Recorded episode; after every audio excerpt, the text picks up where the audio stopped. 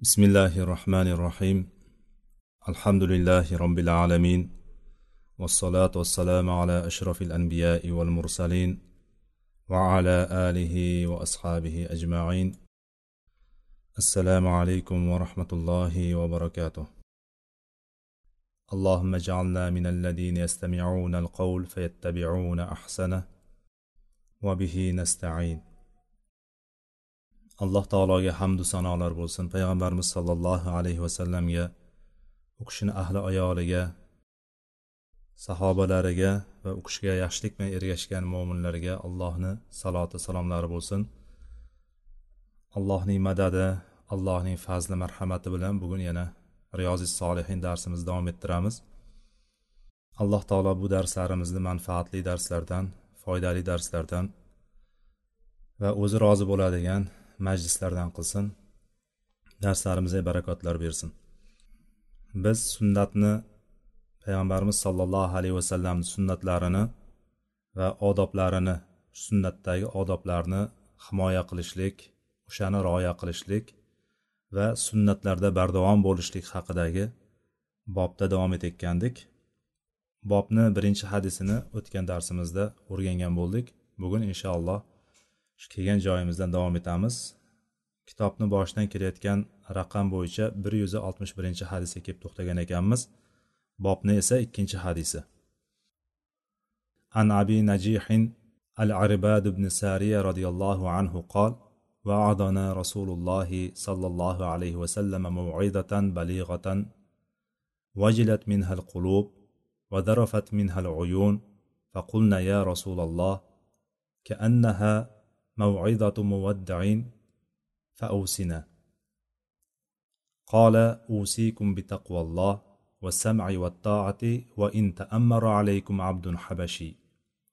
وأنه من يعيش منكم فسيرى اختلافا كثيرا. فعليكم بسنتي وسنة الخلفاء الراشدين المهديين. عضوا عليها بالنواجذ. وإياكم ومحدثات الأمور. فإن كل بدعة ضلالة رواه أبو داود والترمذي وقال حديث حسن صحيح abu najih irboz ibn soriya roziyallohu anhudan rivoyat etilyapti hadis bu kishi aytdiki payg'ambarimiz sollallohu alayhi vasallam yetuk bir vaz qildiki maviza qildiki undan qalblar qo'rquvga tushdi qalblar titrab ketdi Ko'zlarga yosh to'ldi. Ko'zlaridan yosh oqdi. Va payg'ambarimizga aytdikki yo rasululloh go'yoinki xayrlashuvchi vidolashuvchi kishini mav'izasidek bo'ldi. Bizga bir vasiyat qiling dedilar. Shunda payg'ambarimiz sollallohu alayhi vasallam aytdilarki sizlarga allohdan taqvo qilishlikni vasiyat qilaman va agarchi sizlarga habash ya'ni qora tanli bo'lgan qul agar sizlarga amir qilinsa ham o'shanga ham eshitib itoat qilishlikni vasiyat qilaman sizlarga. Chunki kim mendan keyin yashaydigan bo'lsa sizlardan keyin kim yashaydigan bo'lsa hali ko'p ixtiloflarni ko'radi dedilar. Ana shu ixtiloflar chiqqan paytda faalaykum bi sunnati meni sunnatimni va to'g'ri yo'lda bo'lgan to'g'ri yo'lga hidoyatlangan xulofalarning yo'llarini sunnatlarini mahkam ushlanglar dedilar. Shunday ushlanglarki addu alayha bin navajiz ya'ni oziq tishlaring bilan mahkam tishlanglar uni. Va ishlarda yangi paydo qilingan narsalardan uzoq turinglar. Chunki har bir bidat zalolatdir dedilar. Bu hadisni imom abu dovud termiziy rivoyat qilgan ekanlar. Imom termiziy bu hadisni hasan sahih deb aytgan ekanlar. Mana shu hadisni inshaalloh bugun qisqacha tanishamiz o'sha ma'nolari bilan. Roviyga ilk bor roviyga to'xtaladigan bo'lsak irboz ibn sariya roziyallohu anhu ilk musulmonlardan sabiqunlardan ya'ni islomga avval kirgan musulmonlardan hisoblanadi va ahli suffadan bo'lgan. Bilamiz payg'ambar sollallohu alayhi vasallamni madinada masjid masjid qurganda masjidni bir tarafida ahli suffa uchun ya'ni uyi bo'lmagan joyi bo'lmagan ahli oilasi bo'lmagan sahobalar o'sha yerda qolishardi va ularga tashqaridan kelgan ya'ni sahobalar boshqalar ovqatlarni olib kelib turishardi. O'shalardan taomlanib turib doim payg'ambarimiz sollallohu alayhi vasallamni yonida yurishlikka va namozlarni ibodatlarni qilishlikka harakat qilib yuradigan sahobalar bo'lardi. Ularni o'rtacha hisobi yetmish sakson o'rtasida bo'lgan. Mana shu ahli suffadan bo'lgan. Ya'ni bular shunaqa bir kambag'al o'ziga uy qila oladigan holatda bo'lmagan sahobalardan biri. Bu kishi mana kunyasini imom navaviy rahimaulloh bu o'rinda keltirib ketdi. Abu najih ekan. Kunyasi shu abu najih kunyasi bilan tanilgan sulaym qabilasidan bo'lgan sahoba. Bu sahobalar bu sahoba e, jihodga chiqolmaganidan yig'lab orqaga qaytib ketgan sahobalardan biri hisoblanib ular haqida alloh taolo oyat ham nozil qilgan. Ya'ni jihodga payg'ambarimiz sallallohu alayhi vasallam jihodga targ'ib qilgan paytlarida sahobalarni qo'lida ya'ni qo'lida quroliyu chiqishlikka biroz yonida minaydigan bir ulovi bo'lishligi kerak shartlari bo'lgan ba'zi bir jihodlarga chiqayotganda. Mana shu kelib turib jihodga borishlikni ollohni yo'lida jihod qilishlikni shunday xohlab turib kelganda ham buni qo'lida bir ollohni yo'lida sarflaydigan biron bir mol moli yo'q. Minib boradigan ulovi bo'lmaganligi uchun orqasiga qaytib ko'zlariga yosh jiqqa yosh to'lib yig'lagan holatda qaytib ketganlarni alloh taolo ularda ham haraj yo'qdir. Ya'ni ular ham jihodga chiqishligi shart emas degan ya'ni ularda ham o'sha jihoddagi farzligi ulardan tushadi degan oyatni nozil qildi. Mana bular mana shu toifalardan bittasi bo'lgan o'sha oyat nozil bo'lishligiga sabab bo'lgan kishilardan biri erboz ibn sariya ekan. Bu kishi keyinchalik suriyaga hozirgi kundagi suriya shomga hims yoki humus deyiladi ba'zi anularda o'qilinishliklarda himsga joylashadi va abdulloh ibn zubayr fitnasini bilamiz. Abdulloh ibn zubayr roziyallohu anhu makkada xilofat e'lon qiladi. Bu mashhur voqea. Bu tarafda muoviya roziyallohu anhuni davri undan keyin o'g'li yazid. Bu davrda abdulloh ibn zubayr bu tarafda makkada alohida yana xilofat e'lon qilinadi. O'sha xilofat e'lon qilingan paytda katta fitna bo'ladi. Hajjoj bilganimiz o'sha tarixdan bilganimiz zolim hajjoj deb bilganimiz hajjoj kelib o'sha makkaga bostirib kelib turib makkani qurshovga olib turib haramni ichida hatto abdulloh ibn zubayrni o'ldirishlik fitnasi bor. Mana shu fitnada o'sha fitna paytida ya'ni bu hijriy yetmish beshinchi yilga to'g'ri keladi. O'sha hijriy yetmish beshinchi yilda irboz ibn sariya vafot etadi. Alloh undan rozi bo'lsin. Umrlarini oxirida juda qarib ketganligidan doim duo qilib yurganligi keladi deydi. Allohim meni yoshimja qarib ketdim keksayib ketdim kuch quvvatim qolmadi meni o'zingga olgin deb turib duo qilar ekan doim. Mana shu duolardan birida bir kun o'zida bo'lgan voqeani hikoya qilib beradi.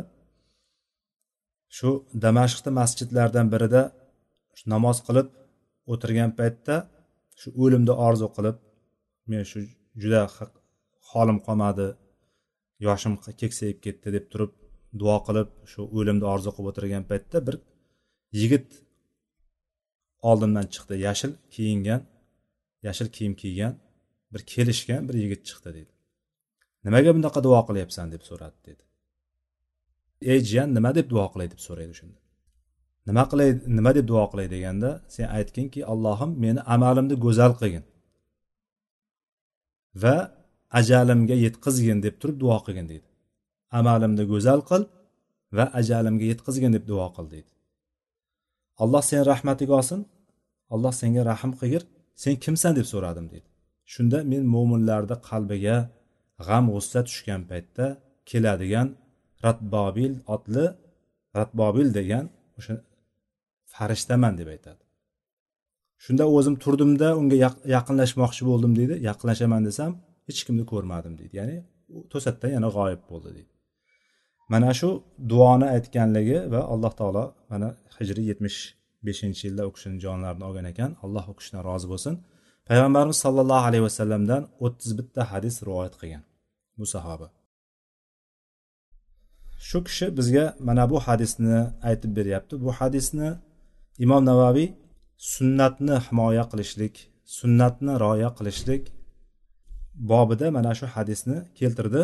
Bu hadisni o'zi ya'ni bu holat payg'ambarimiz sallallohu alayhi vasallam bir kuni va'z qildilar. Ya'ni mavoiza qildilar xutba qildilar. Payg'ambarimiz sollallohu alayhi vasallamni odatlari edi. Juma kunlari xutba qilinadi. Yoki bayram namozlarida ya'ni hayit namozlarida xutba qilinardi. Yoki boshqa bir holatlar bo'lib qoladigan bo'lsa favqulodda biron bir hodisa yuz berib qoladigan bo'lsa masalan koinotda yuz beradigan quyosh tutilishi bor yoki oy tutilishi quyosh tutilishi deganimiz shunga o'xshagan bir holatlarda yoki yomg'ir so'rab duo qilishlik bor. Mana bu holatlarda payg'ambarimiz sollallohu alayhi vasallam insonlarni bir oraga jamlanganligi va o'shalarga yetkazib qo'yiladigan narsalar yuzasida payg'ambarimiz xutba qilardilar. Mana shu xutbalardan birida mana shu xutba hozir zikr qilinyapti shunday bir e, payg'ambarimiz sallallohu alayhi vasallam shunaqa bir va'z qildilarki shunaqa bir xutba qildilarki odamlar o'sha xutbadan ta'sirlanib ketdi shunaqa qattiq ta'sirlandilar. Ya'ni payg'ambarimiz sollallohu alayhi vasallam shunaqa yetuk bir maviza qildilar. Va qalblar qo'rquvga tushib ko'zlardan yosh oqib ketdi odamlarda. Mana shu holatda payg'ambarimiz sallallohu alayhi vasallamga sahobalar aytishdiki yo rasululloh xuddi vidolashuvchi kishini mavzasiga o'xshab ketdi bu. Bizga vasiyat qiling dedi. Ya'ni inson bir joyga ketmoqchi yoki bir xayrlashib ketayotgan paytda odamlarga boshqacharoq nazar bilan qaraydi. Odamlarga boshqacharoq bir gaplarni gapiradi va ichida saqlab kelgan ba'zi bir narsalarni aytadi aytolmay yurgan narsalarni aytadi. Mana shu holat ya'ni payg'ambarimizni shunaqa yetuk bir maviza qilganligidan pand nasihat qilganligidan ular mana shu holatga o'xshab qoldi. Ya'ni payg'ambarimiz sollallohu alayhi vasallam u yoq bu yoqqa ketadimikan? Bizni yonimizdan uzoqlashadimikan? degan bir gumonga borishibdi ular yo rasululloh shunga o'xshab ketdi. Shunday ekan bizga aytadiganingizni aytib qoling bizga vasiyatlar qiling bizga yo'llanmalar bering deb turib so'rashdi. Bundan ko'rinadiki demak inson biron bir safarga ketayotgan bo'lsa yoki biror uzoq joyga ketadigan bo'lsa yoki oilasidan ajralib ketayotgan bo'lsa yoki bir joyga ko'chib ketayotgan bo'lsa xuddi shunaqa joylarda demak inson bir biriga vasiyat so'rashlik bir biridan ya'ni vasiyat deganda bir biridan e, rizochilik rozi rizochilik so'rashlik demak bor ekanligi mana shundan ko'rinadiki mana shu holatdan chiqaryapmiz mana shu o'rindan. Payg'ambarimiz sollallohu alayhi vasallam ularga usikum bittaqvolloh dedilar. Birinchi tavsiya qilgan narsalari birinchi buyurgan narsalari allohga taqvo qilinglar dedi. Allohdan taqvo qilinglar dedi. Taqvoni biz taqvo bobida bir keng o'tdik. Taqvo degani aslida himoyalanishlik inson o'zini himoya qilishligi. Nimadan? Allohning azobidan. Allohning azobi kelib qolishidan himoya qilishlik.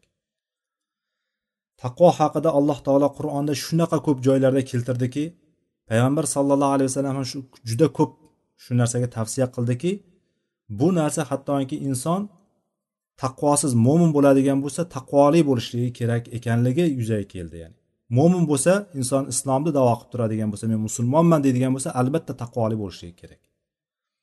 Taqvoli deganda biz hozir o'zimiz bir tasavvurimizga shunaqa bir narsa singib qolganki taqvo deydigan bo'lsa inson butun boshqa bir olamga tushib qolganday insonlarni tasavvur qilamiz. Lekin har bir musulmon kishi taqvoda bo'lishligi kerak. Chunki taqvoni ziddi ya'ni taqvoni qarshisida turadigan narsa fisq bo'ladi. Yo inson toatda yurib turib taqvo bilan yuradi yoki taqvodan chiqishligi bilan fisqqa tushadi. Fosiq bo'ladi u. ya'ni gunohni qilishlik bilan fisqqa kirgan bo'ladi u. Ya'ni buni shunaqa tushunishligimiz mumkin. Bir inson libos shuning uchun taqvoni libos o'rnida ham keltiriladi. Taqvo libosini kiyishlik degan taqvo libos deganda biz kiyim. Taqvo kiyimini kiysangiz siz taqvo bilan yurgan hisoblanasiz. Endi bu kiyimni yechgan paytingizda siz taqvodan chiqib fisqqa kirgan bo'lasiz. Yoki yanada kengroq qilib oladigan bo'lsak biz taqvo o'zimizni atrofimizga bunday bitta uy bitta xonani olaylik. O'sha xona taqvo xonasi deb tasavvur qilaylik. O'shani ichiga kirgan paytimizda biz taqvoli hisoblanamiz. O'shani eshigidan chiqqan paytimizda biz fisq ko'chasiga kirgan bo'lamiz. Ya'ni bu degani inson mo'min kishi har doim mana shu taqvoni ichida yurishligi kerak. Taqvodan tashqariga chiqishligi kerak emas. Taqvo nima? Shuning uchun qisqacha qilib aytganda olimlar olloh buyurgan narsalarni qilib qaytargan narsalardan qaytishlik degan. Demak siz olloh buyurgan narsalarni qilyapsizmi va qaytargan narsadan qaytib yuribsizmi? Demak siz taqvo ichida yuribsiz. Endi inson mana shu uydan tashqariga chiqadigan bo'lsa mana shu uydan tashqariga chiqishligi degani ba'zan buyurilgan narsa bor. Alloh taolo farz qildi bizga buyurdi ko'p narsalarni. Farz qilgan narsalarni qilmasdan turib shunday tashqariga o'sha o'shani qilmasligimiz deganimiz o'sha taqvo eshigidan chiqdi deganimiz. Taqvo eshigidan chiqqanimiz fosiqlik bo'ladi. Endi orqaga qaytishlik uchun tavba lozim. Orqaga qaytishlik chunki biz gunohda qildik. Alloh taolo bizga namozni farz qildi. Namozni farz qildida biz o'sha narsaga e'tiborsizlik bilan o'sha narsaga bemalollik bilan e'tibor bermasdan namozni vaqtdan chiqarib yubordikmi biz taqvodan tashqariga chiqdik. Biz bir gunohni qilishligimiz bilan fosiqlik qildik. Fisq amalni qildik. Endi buning uchun tavba kerak. Tavbani ma'nosini o'tgan paytimizda tavba qaytishlik degan ma'nosi bor edi. Mana uyimiz taqvo uyi bo'ladigan bo'lsa uydan chiqib ketdik fosiqlik qilib qo'ydik alloh saqlasin. Endi buning uchun orqaga qaytishligimiz degani tavba bor. Tavba albatta pushaymonlik nadomat va o'sha ishni qayta qilmaslikka ahd bilan alloh taolodan o'sha narsaga o'sha ya'ni qilinishlik kerak bo'lgan qazo bo'ladigan bo'lsa qazosini qilamiz. Bermagan narsa sadoqatlarimiz bo'lsa sadaqasini sadaqatini beramiz yoki bir e, boshqa bir kafforati bo'ladigan bo'lsa kafforatini qilishlik bilan biz yana taqvo uyiga qaytgan bo'lamiz. Shuning uchun alloh taolo hatto taqvoni shunaqa bir o'rniga keltirdiki taqvo bo'lmaydigan amalda alloh taolo qabul qilmaydi. Taqvo bo'lmasa qabul qilmaydi. Innama yataqabbalullohu minal muttaqin. Alloh taolo amallarni qabul qilishligi sadaqalarimizni qabul qilishligi zakotlarimizni qabul qilishligi duolarimizni qabul qilishligini bitta narsaga chegaralab qo'ydi. O'sha chegara taqvo bo'lishlik kerak. Biz muttaqin bo'lsak alloh taologa taqvodor bo'lsakkina nima bo'lamiz? Demak amallarimiz bizdan qabul qilinadi. Chunki alloh taolo aytyaptiki biz sizlardan oldingi ahli kitoblarga ham va xuddi shuningdek sizlarga ham allohdan taqvo qilishlikni vasiyat qildik. Ya'ni amr qildik deyapti alloh taolo buyurdik deyapti.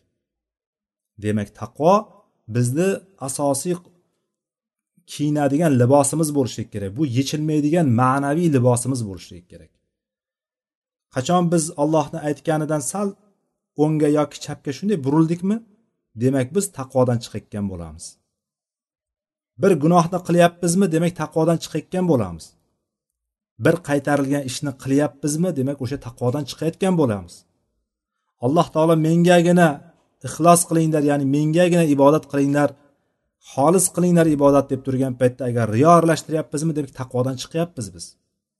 Bir amalni qilayotgan paytimizda shuni orqasidan insonlarni bir gapirishligini insonlarni ko'rishligini yoki insonlardan bir manfaat ko'zlab turib bir amalni qiladigan bo'lsak demak bu biz taqvodan chiqayotgan bo'lamiz. Bu amalimiz qabul bo'lmasligi u yoqda tursin. Riyo bo'lgani suma bo'lganligi uchun biz bunga gunohkor ham bo'lamiz bunga. Ya'ni taqvo degani mana shu qisqacha olganimizda demak birinchi shuning uchun payg'ambar sallallohu alayhi vasallam birinchi tavsiyalari allohdan taqvo qilishlik bo'ldi. Ya'ni allohning azobidan biz himoyalanishligimiz kerak. Nima bilan? Taqvo libosini kiyib turib taqvo libosini kiyadigan bo'lsak allohni amriga amrlarini buyruqlarini qilgan bo'lamiz qaytargan narsadan qaytgan bo'lamiz va buning uchun biz bilishligimiz kerak va mana shu qaysi narsa buyurilgan qaysi narsa qaytarilgan mana bu narsalarni mana bu majlisda o'tirishligimizdan maqsadimiz ham shu. Alloh taolo bizga nima degan alloh taolo nimani qaytargan nimaga buyurgan o'shalarni biladigan bo'lsak buyruqlarni qilishga harakat qilamiz qaytargan narsadan qaytishga harakat qilamiz alloh taolo bizni hammamizni taqvodorlardan qilsin. Chunki qur'on ham faqat taqvo egalariga hudallil muttaqin. Bu kitob ya'ni hech qanaqa shak shubha bo'lmagan ollohdan ekanligiga hech qanaqa shak ollohning kalomi ekanligiga shubha bo'lmagan. Qur'on kitobi faqat muttaqinlarga hidoyat bo'ladi. Muttaqinlargagina to'g'ri yo'lni ko'rsatadi boshqalarga emas. Shuning uchun demak biz taqvo taqvo bilan o'zimiz ziynatlashligimiz kerak. Taqvo libosini kiyishligimiz kerak taqvo doirasida yurishligimiz kerak. Ibodatlarimiz qabul bo'lsin o'shanda. Ibodatlarimiz o'shanda qabul bo'ladi duolarimiz qabul bo'ladi. Qilayotgan amallarimiz inshaalloh alloh huzurida bir manfaat beradi. Payg'ambarimizni ikkinchi tavsiya qilgan narsalari. Agar habash qul bo'lsa ham deb aytyaptilar. Habash qul bo'lsa ham o'shanga itoat qilasizlar itoat qilasizlar sizlarga amir bo'ladigan bo'lsa. Amir bo'lib qoladigan bo'lsa sizlarni boshlaringga kelib qoladigan boshliq bo'lib qoladigan bo'lsa o'shanga ham itoat qilasizlar. Bu insoniyat tarixida odam alayhissalom yaratilgandan to shu kungacha allohu alam qiyomat kunigacha davom etadigan narsa bu qora tanli oq tanli ya'ni qora tanlilarni bir past sort insonga o'xshatib muomala qilishlik davom etib kelyapti haligacha va qiyomatgacha ham davom etsa kerak allohu alam.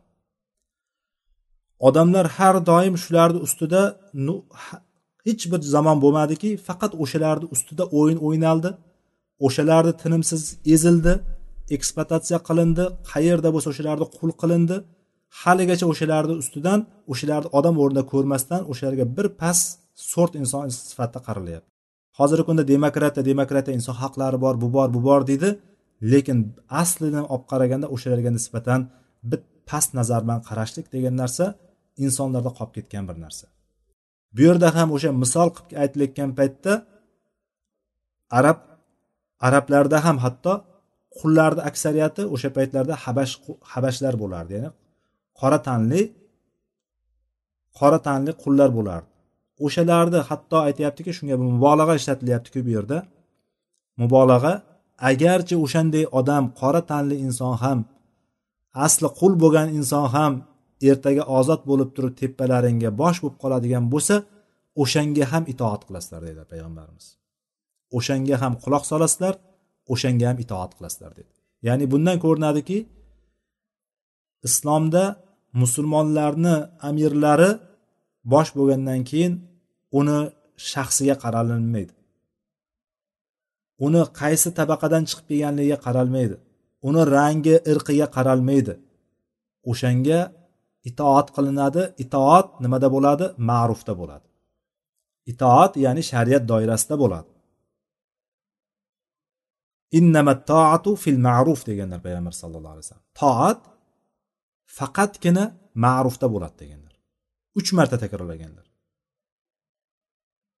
Itoat qilishlik amirlarga itoat qilishlik boshliqlarga itoat qilishlik rahbarlarga itoat qilishlik ma'rufdagina bo'ladi.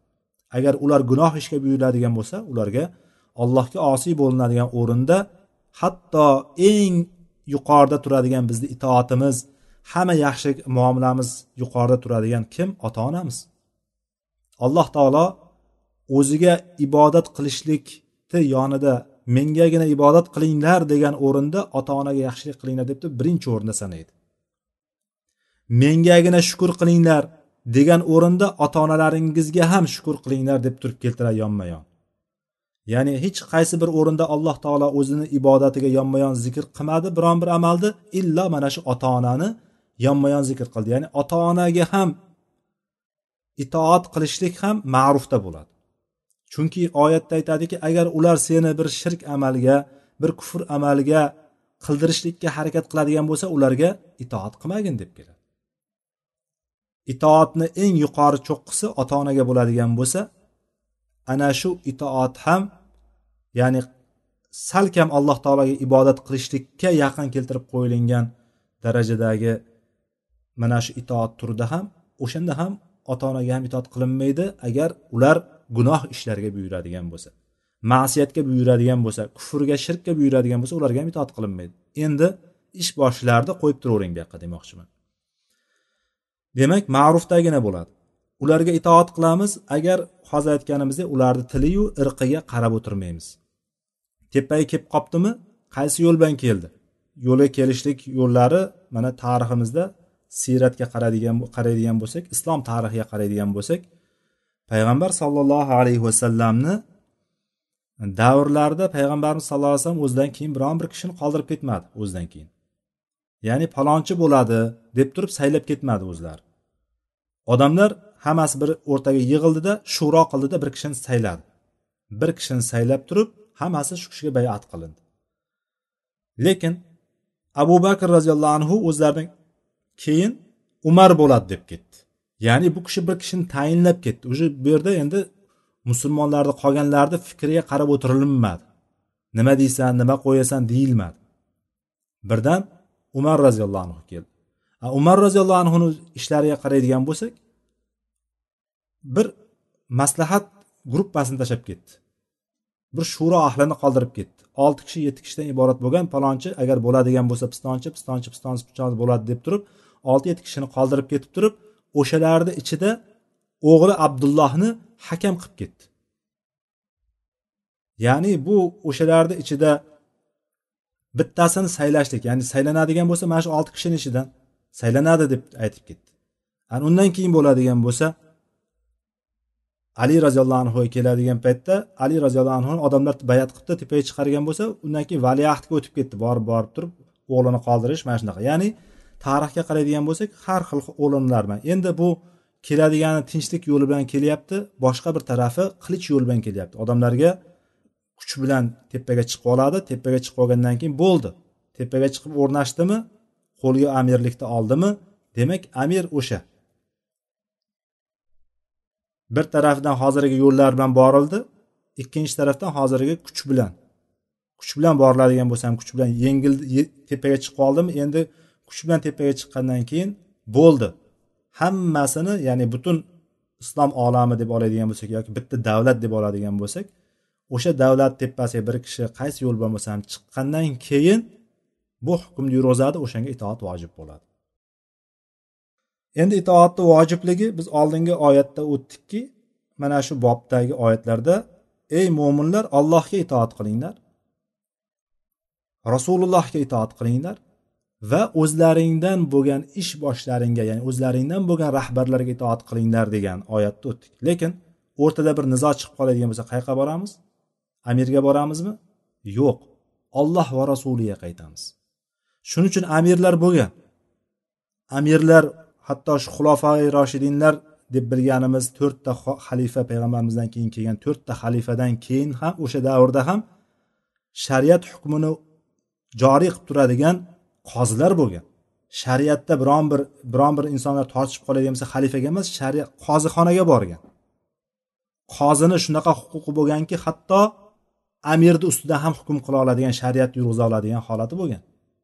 Bunga mana shurayh qozini holati ali roziyallohu anhu davrida bo'lgan alini zarariga hukm qilib beradigan darajadagi ya'ni xalifani zarariga bunday olib qaraydigan bo'lsa hozirgi kundagidek bitta ikkita davlat emas butun islom ummatini davlatini tepasida turgan odamni zarariga bo'p ham mana shu yaramas bo'lgan hamma bilgan ularni kirdikorlarini fitnalarini bilgan yahudiyni foydasiga hal qilib beradi. Chunki oldinga tashlangan dalillar shuni ko'rsatib turadi.